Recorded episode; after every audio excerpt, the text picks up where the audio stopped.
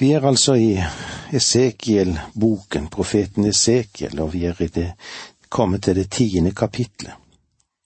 Og der vil vi se litt hva Esekiel har å meddele oss som lever i dag.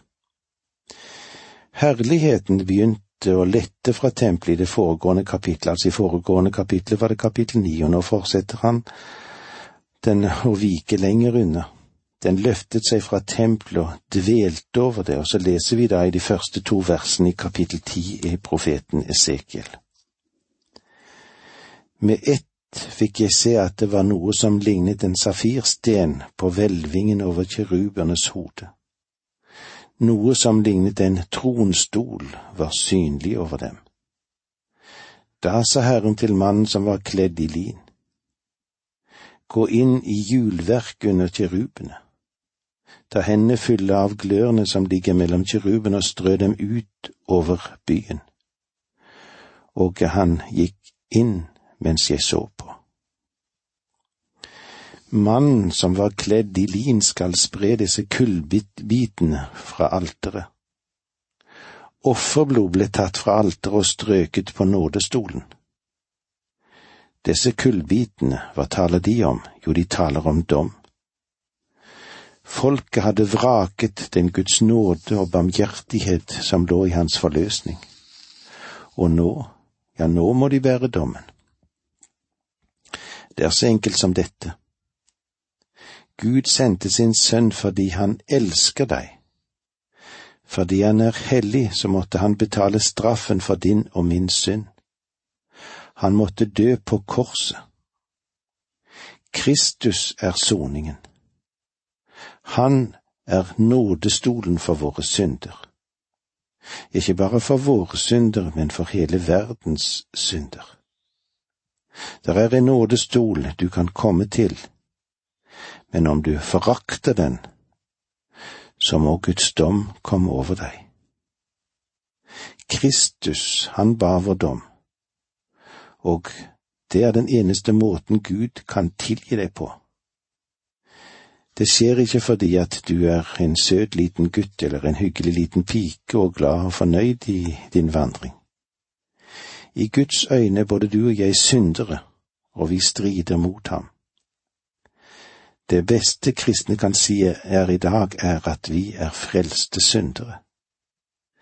Vi er ikke bedre enn noe annet menneske, vi er lik alle sammen, men vi er frelste syndere. Nå kommer dommen over Jerusalem, byen som er selve jordens sentrum, denne jordens navle. Det er det Gud kaller den. Det vil bli sentrum for tusenårsriket, og det vil bli jordens evige sentrum. I dag er det et av de mest spenningsfulle sentra på jorda. En har sagt det slik. Palestina ble jordens nervesentrum på Abrahams tid. Senere ble dette landet sannhetens sentrum på grunn av Moses og profetene. Til sist ble det frelsesenteret gjennom Kristus. Ved at de vraket ham, så ble det et stormsenter, og slik har det vært i mange århundrer men Skriften gir oss løfte om at det skal bli et fredssentrum under det messianske kongedømmets tid, og det skal bli et herlighetssentrum i et nytt univers som ennå ikke er formet. Gjennom Esekels syn får vi være med om at herligheten forlater byen, men Gud har en evig hensikt med denne byen i vers fire i kapittel ti. Da løftet Herrens herlighet seg fra Jeruben og flyttet seg til terskelen i tempelet. Skyen fylte huset, og glansen av Herrens herlighet fylte forgården. Shekina, Herrens herlighet hadde tidligere vært konsentrert om det aller helligste, det sted som knyttet sammen folket og Gud. Men nå forlater denne herligheten det aller helligste der mellom kiruben og dveler over tempelet for å se om folket vil vende seg til Gud. versene fem til åtte. Suset av kirubenes vinger hørtes helt ut i den ytre forgård, like som røsten av Gud den allmektige når han taler. Da mannen som var kledd i lin ble bedt om å hente ild under hjulverket mellom kirubene, gikk han inn og stilte seg ved siden av det ene hjulet. En kirub rakte hånden ut mot ilden som var mellom kirubene, tok opp noe av den og la i hendene til mannen med linklærne. Han tok ilden og gikk ut. Under vingene på kirubene kunne en se noe som lignet en menneskehånd. Igjen merker vi at denne hånden, den kjennetegner Guds aktivitet i bestemte forhold. Himmelen forkynner Guds herlighet. Hvelvingen forteller om Hans henders verk. Ja, slik står det i Salme 19,1. Faktisk står det Hans fingergjerninger. Universet er Guds fingers gjerning. Men Guds gjerning i forløsningen av mennesket var større enn det som skjedde i skapelsen. Jesaja sa det slik i vers, i kapittel 53 vers 1. Hvem trodde det budskap vi hørte? Og for hvem ble Herrens kraft åpenbart? Han brukte sin blottende arm. Eneste måten jeg kan forstå Guds gjerning på, er å bruke ord og uttrykk som vi er kjent med. Jeg bruker fingrene mine for å gjøre visse ting, hendene mine gjør andre oppgaver og mine armer kreves for tyngre tak. Det største Gud har gjort, er å skape denne vidunderlige forsoningsakten ved Kristi kors. Det var hans arm. Men da Gud skapte universet, brukte han bare sine fingrer. Esekiel sier her at Guds hånd beveger seg i dom. Vers 9 i kapittel 10 så fikk jeg se at det var fire hjul ved siden av kirubene, ett ved hver kirub, og hjulene så ut som krysolitt. Har du noen gang sett på hjul når de går rundt? Derfra får du dette funklende lys. Vet du, som en edelsten.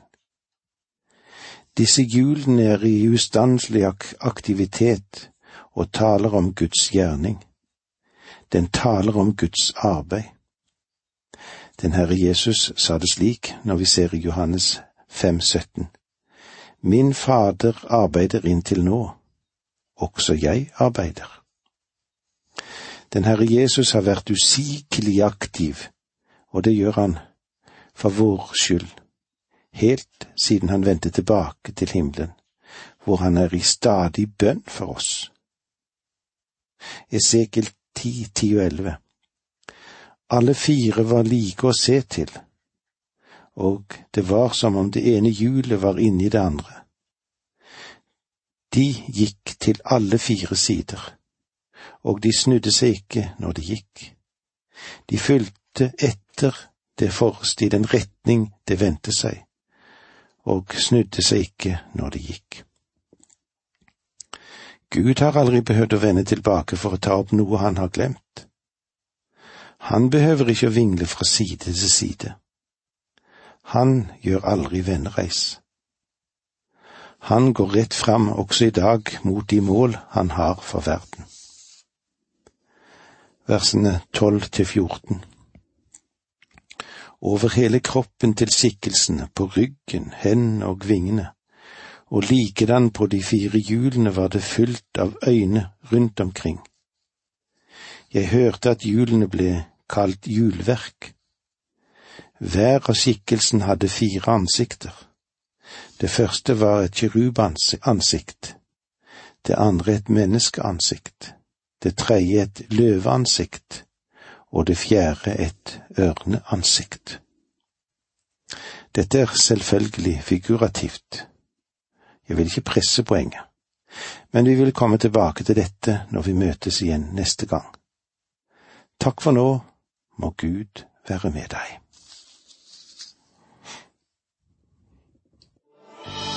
Dette undervisningsprogrammet består av to deler. Åge Nevland fortsetter nå med andre del av dagens undervisning. Vi er i boken som Esekiel har skrevet til oss, altså profeten Esekiel, og vi ser hvordan det er når Gud arbeider. Gud har aldri behøvd å vende seg tilbake for å ta opp noe han har glemt, det husker du.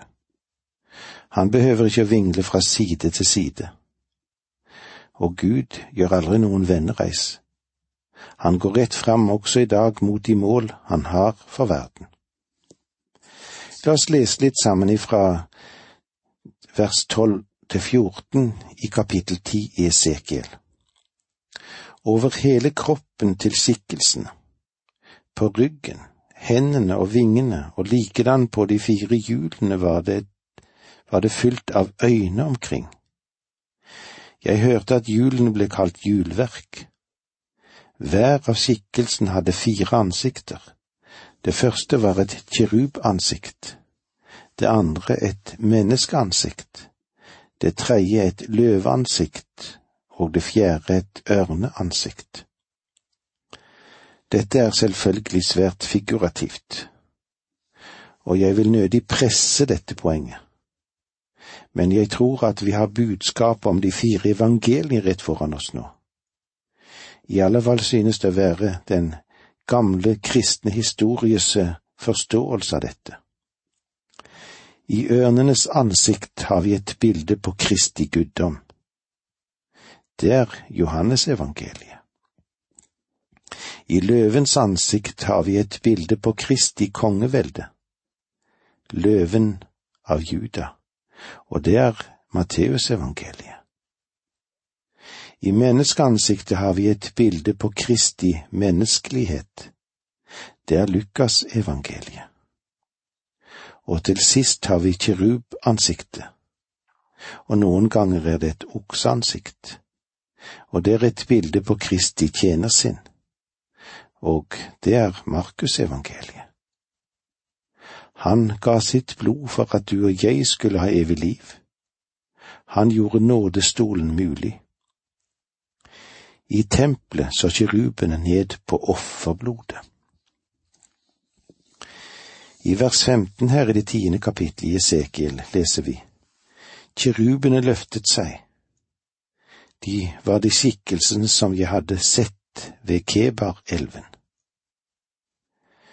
Esekiel henviser her til sitt første syn, som er gjengitt i kapittel én i Esekiel sin bok. Når vi nå går videre her i kapittel ti, vers 18, så skal vi se litt hvordan det er med herligheten forlater tempelet. Nå flyttet Herrens herlighet seg fra terskelen i tempelet og stilte seg over kirubene. Herrens herlighet løftet seg nå opp fra tempelet. Vers 19 Jeg så hvordan kirubene løftet vingen og hevet seg opp fra jorden, og når de steg, fulgte hjulene med.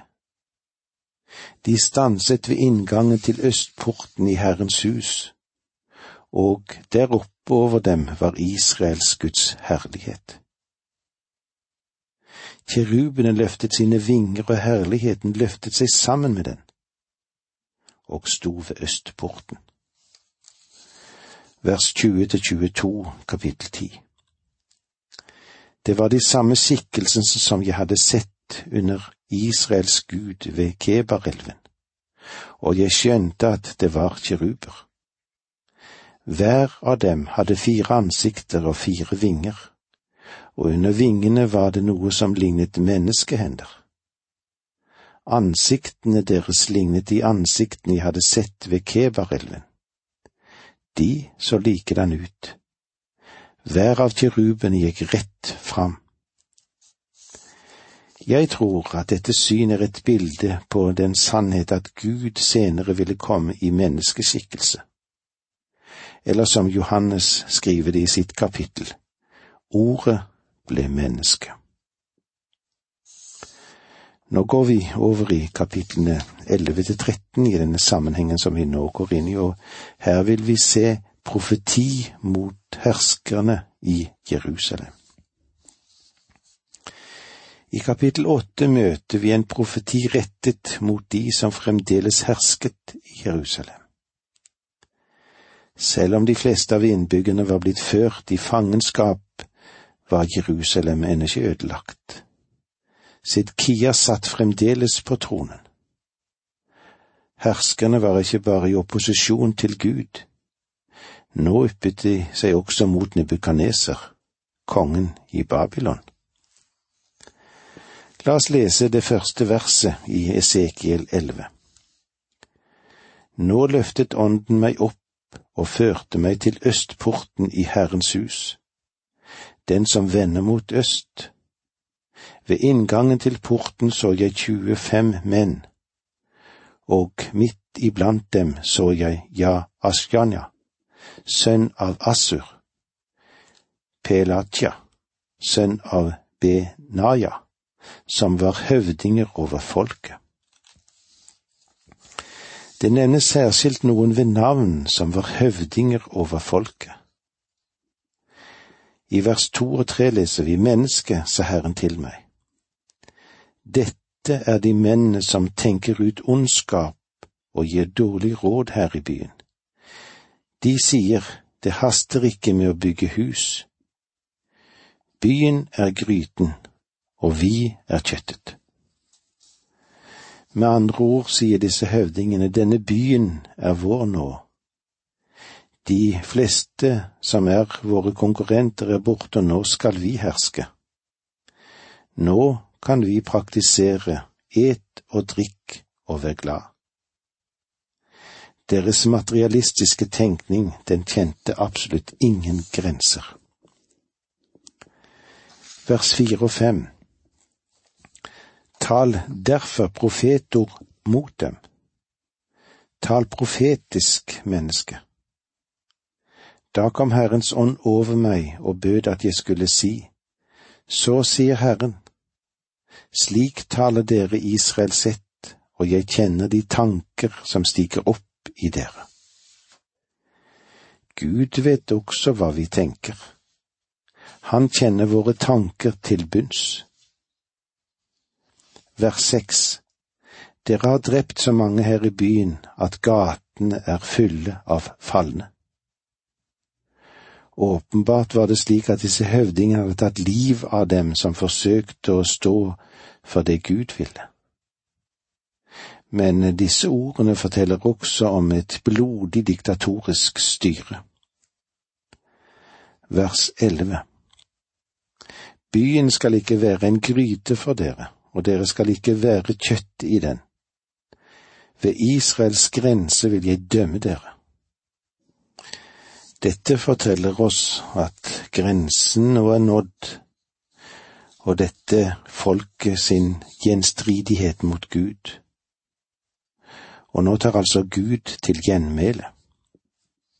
Vi leser versene 14 til 16 i kapittel 11. Herrens ord kom til meg og det lød så.